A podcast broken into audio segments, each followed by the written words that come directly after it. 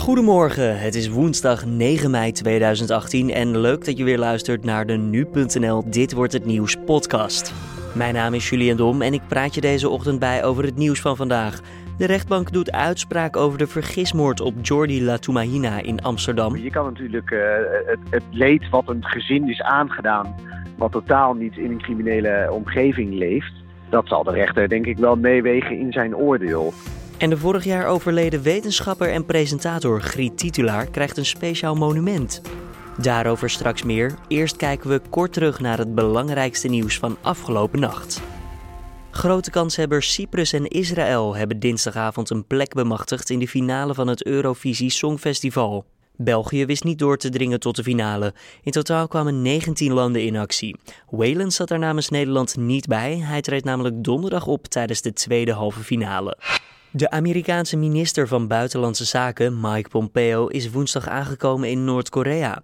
Pompeo is naar verluid in Pyongyang om de ontmoeting tussen de Amerikaanse president Donald Trump en de Noord-Koreaanse leider Kim Jong-un voor te bereiden. Met Pasen was Pompeo ook al in het land. In het geheim sprak hij toen met Kim. Hij is vooralsnog de meest vooraanstaande Amerikaanse functionaris die Kim te woord stond. Israël zou opnieuw raketaanvallen uitgevoerd hebben in Syrië.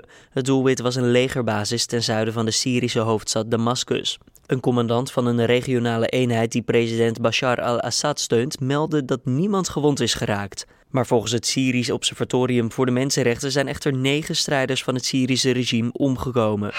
De politie in Groningen heeft schoten gelost bij een arrestatie van een bestuurder die met zijn auto op de vlucht was geslagen. Na een achtervolging door het centrum van de stad werd de wagen uiteindelijk tot stilstand gebracht. Niemand raakte gewond tijdens de achtervolging. De verdachte is aangehouden. Dan kijken we naar de nieuwsagenda van deze woensdag 9 mei. Het Openbaar Ministerie heeft in maart straffen tot 30 jaar cel geëist in de zaak van de vergismoord op de Amsterdamse Jordi Latumahina en de poging tot moord op zijn vriendin en dochter. De hoogste strafeisen van 30 jaar zijn tegen de vermeende schutter Jurgen W. en de vermoedelijke hoofdorganisator van de moord Cedric R. Vandaag doet de rechter uitspraak over de zaak. Daarover spreken we met rechtbankverslaggever Joris Peters. Ja, Joris, we spreken dus over een vergismoord, want Jordi bleek uiteindelijk niet het doelwit te zijn. Hebben de verdachten daar nog iets zelf over gezegd? Nee, ja, de verdachten die ontkennen überhaupt elke betrokkenheid eh, bij deze zaak. Maar dat het hier om een vergismoord gaat, dat, dat weten we eigenlijk wel zeker. Dat komt ten eerste omdat Jordi zelf eh, helemaal geen contact heeft met, met criminelen of een rol heeft gespeeld in de criminaliteit. En daarnaast woonde hij in dezelfde flat uh, als een drugs, uh, drugscrimineel. Uh, die in dezelfde auto reed als Jordi. Nou, je moet weten dat Jordi is doodgeschoten in de auto, in, de, in de garage onder, de, onder zijn flatwoning. En dat is dezelfde auto waarin die crimineel ook reed. En daar komt ook nog eens een keer bij dat zijn vriendin, die ook op dat de auto zat, uh, overeenkomsten vertoont met het uiterlijk uh, met de vriendin van de drugscrimineel.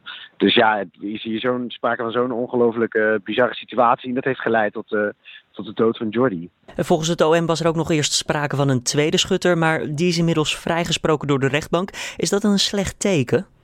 Ik, ik, moet je even. Wat de, rechtbank heeft hem al vrije voeten gesteld, omdat, hij, omdat er inderdaad te weinig bewijs is. De uitspraak uh, volgt officieel vandaag. Dus de rechtbank zal dan uh, naar alle waarschijnlijkheid zeggen: er is te weinig bewijs om deze man te veroordelen.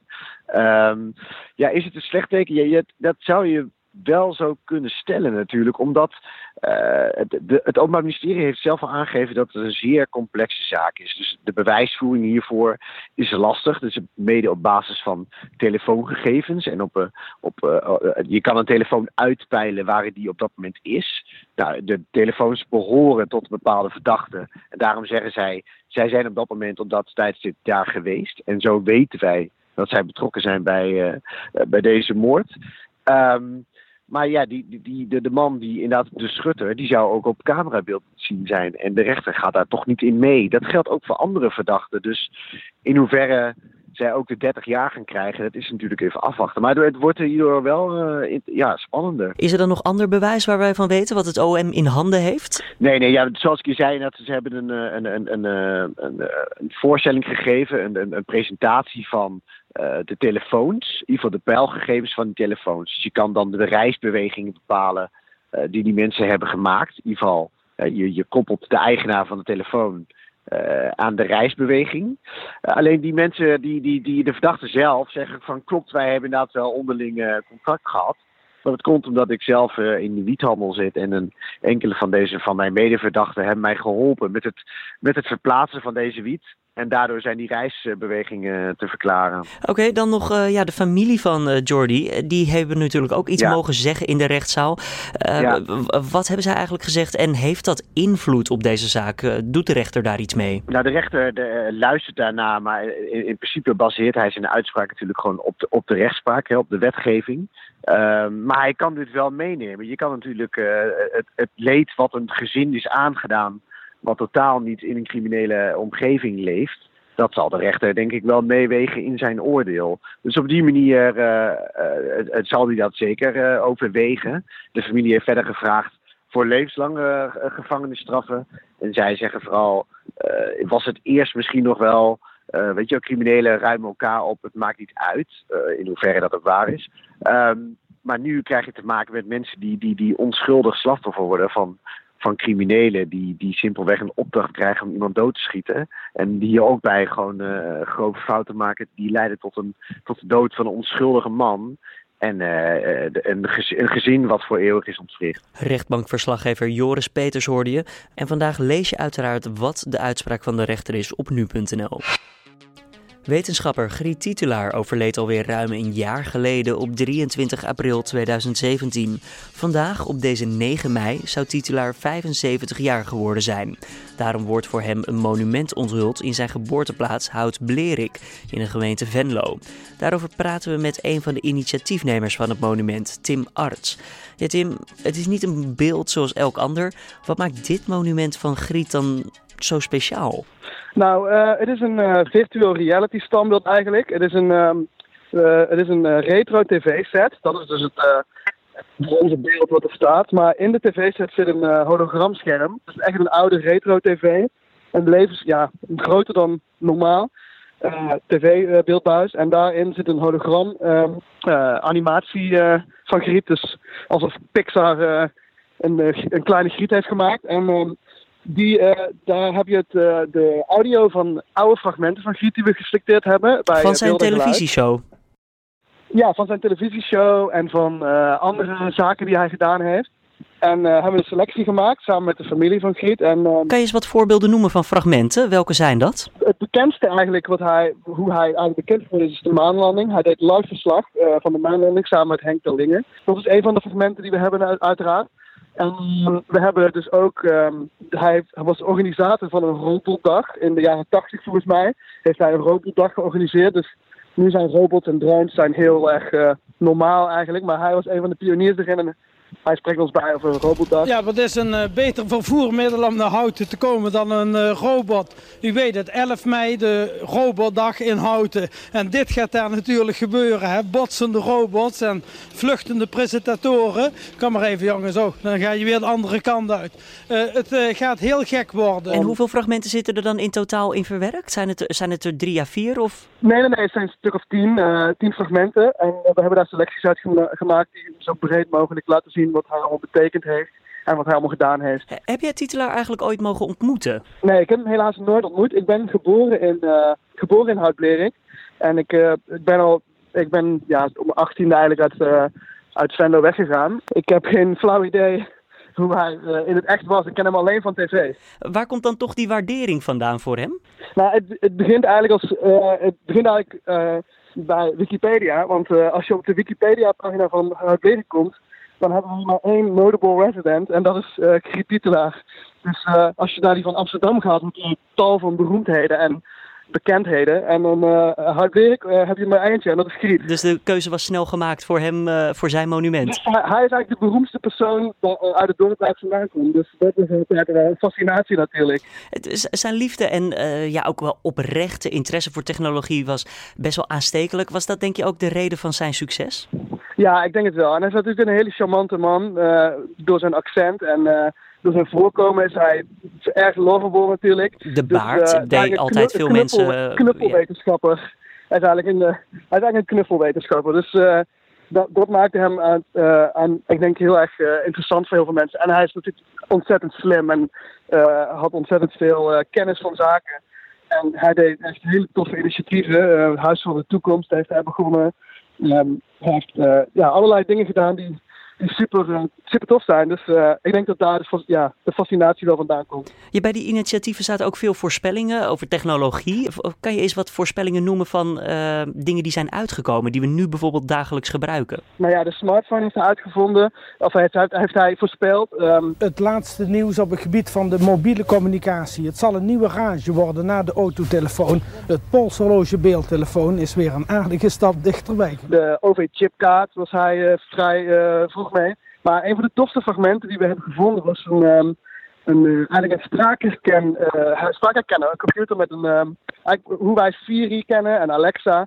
Uh, dat, dat, dat, is, dat vonden we terug in een van de fragmenten, dat hij een computer heeft die woorden kan herkennen die je uitspreekt. En over welk jaar praten we dan? Nee, jaren tachtig volgens mij. Echt vrij vroeg dat hij een spraak herken uh, had. En ja, dat, is, dat vond ik wel een hele toffe. Dat is wel een van de dingen die, die nu heel common, uh, heel, heel normaal zijn. En uh, toen was dat echt revolutionair natuurlijk. Een computer die voice recognition heeft. Tim Arts hoorde je, een van de initiatiefnemers van het monument.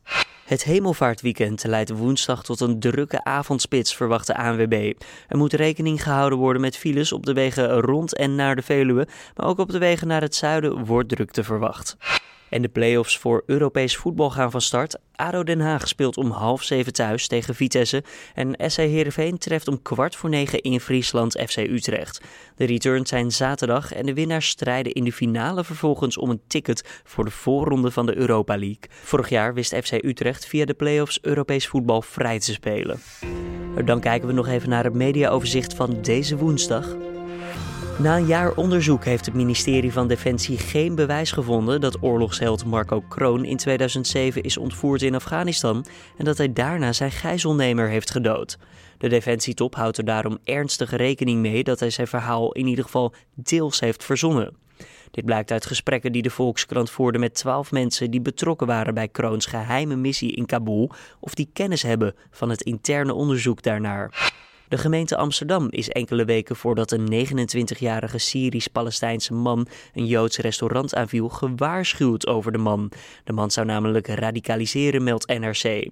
De gemeente liet echter na de man op te nemen in haar aanpak voor geradicaliseerde moslims, maar wees hem door naar de geestelijke gezondheidszorg. Nadat de Syriër eind vorig jaar met een knuppel de ruiten insloeg van het restaurant, werd hij alsnog ondergebracht in de radicaliseringsaanpak. De commandant van de mariniers die in 1977 de gegijzelde basisschool in Bovensmilde bevrijdde, heeft nooit instructies gehad om de Molukse gijzelnemers te doden. Dat zegt de toenmalig hoogste marinier tegen de Telegraaf. Vier oud-collega's zeggen dat de commandant zich tegen hen had beklaagd over onmenselijke instructies, uitgevaardigd door toenmalig minister van Justitie Van Acht. En dan het weer voor deze woensdag. Vandaag begint met veel zon, maar geleidelijk ontstaat er wel wat meer bewolking in het land. Landinwaarts stijgt de temperatuur nog naar zomerse waarden van zo'n 26 tot 27 graden. In de kunstprovincies ietsjes kouder met zo'n 24 graden. De wind draait richting het westen tot noordwesten en morgenavond en nacht valt er verspreid over het land een enkele bui. Op Hemelvaartsdag is het een stuk minder warm, het wordt dan hooguit 17 graden. Voordat we bij het einde zijn van de Dit wordt het nieuws podcast nog eventjes dit. In Nederland is vorig jaar namelijk 1% minder broeikasgas uitgestoten dan in 2016. Dat blijkt uit cijfers van het Centraal Bureau voor de Statistiek en het RIVM. De daling komt vooral doordat er minder steenkool is verstookt voor de stroomproductie. In totaal werd er vorig jaar 193 miljard kilo CO2 uitgestoten en in 2020 mag dat nog maar maximaal 166 miljard zijn. In 2030 moet de hele boel gedaald zijn tot zo'n 113 miljard kilo uitstoot. Dit was dan de Dit wordt het nieuws podcast van deze woensdag 9 mei. Je vindt de podcast elke doordeweekse dag om 6 uur ochtends op nu.nl. En voor je het een leuke podcast, laat dan een reactie achter in de podcast-app of stuur even een mailtje naar redactieapenstaartje nu.nl. Voor nu, tot morgen.